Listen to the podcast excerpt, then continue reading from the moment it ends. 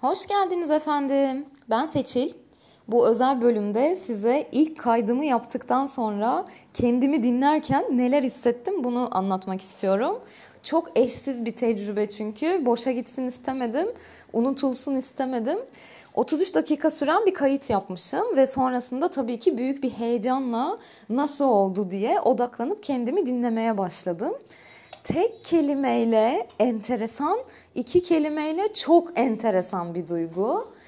Böyle ilk defa kendi enerjimi fark ettim. Kendi fikirlerimin dile geldiğinde insanda ne hissettirdiğini hissettim. Çok ilginç. Bazen çok takdir ettim kendimi. Bazen ne kadar boş ve saçma konuşuyorsun dedim. Çok ilginç bir duygu. Aa, Lütfen siz de yapın bunu. Açın telefonun ses kaydedicisini 10 dakika 15 dakika anlatın bir şeyler.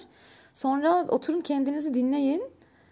Bilmiyorum ilk defa mı tecrübe edeceksiniz böyle bir şey ama ilk defa tecrübe etmek çok eğlenceli, çok farklı bir duygu. Bana çok iyi geldi.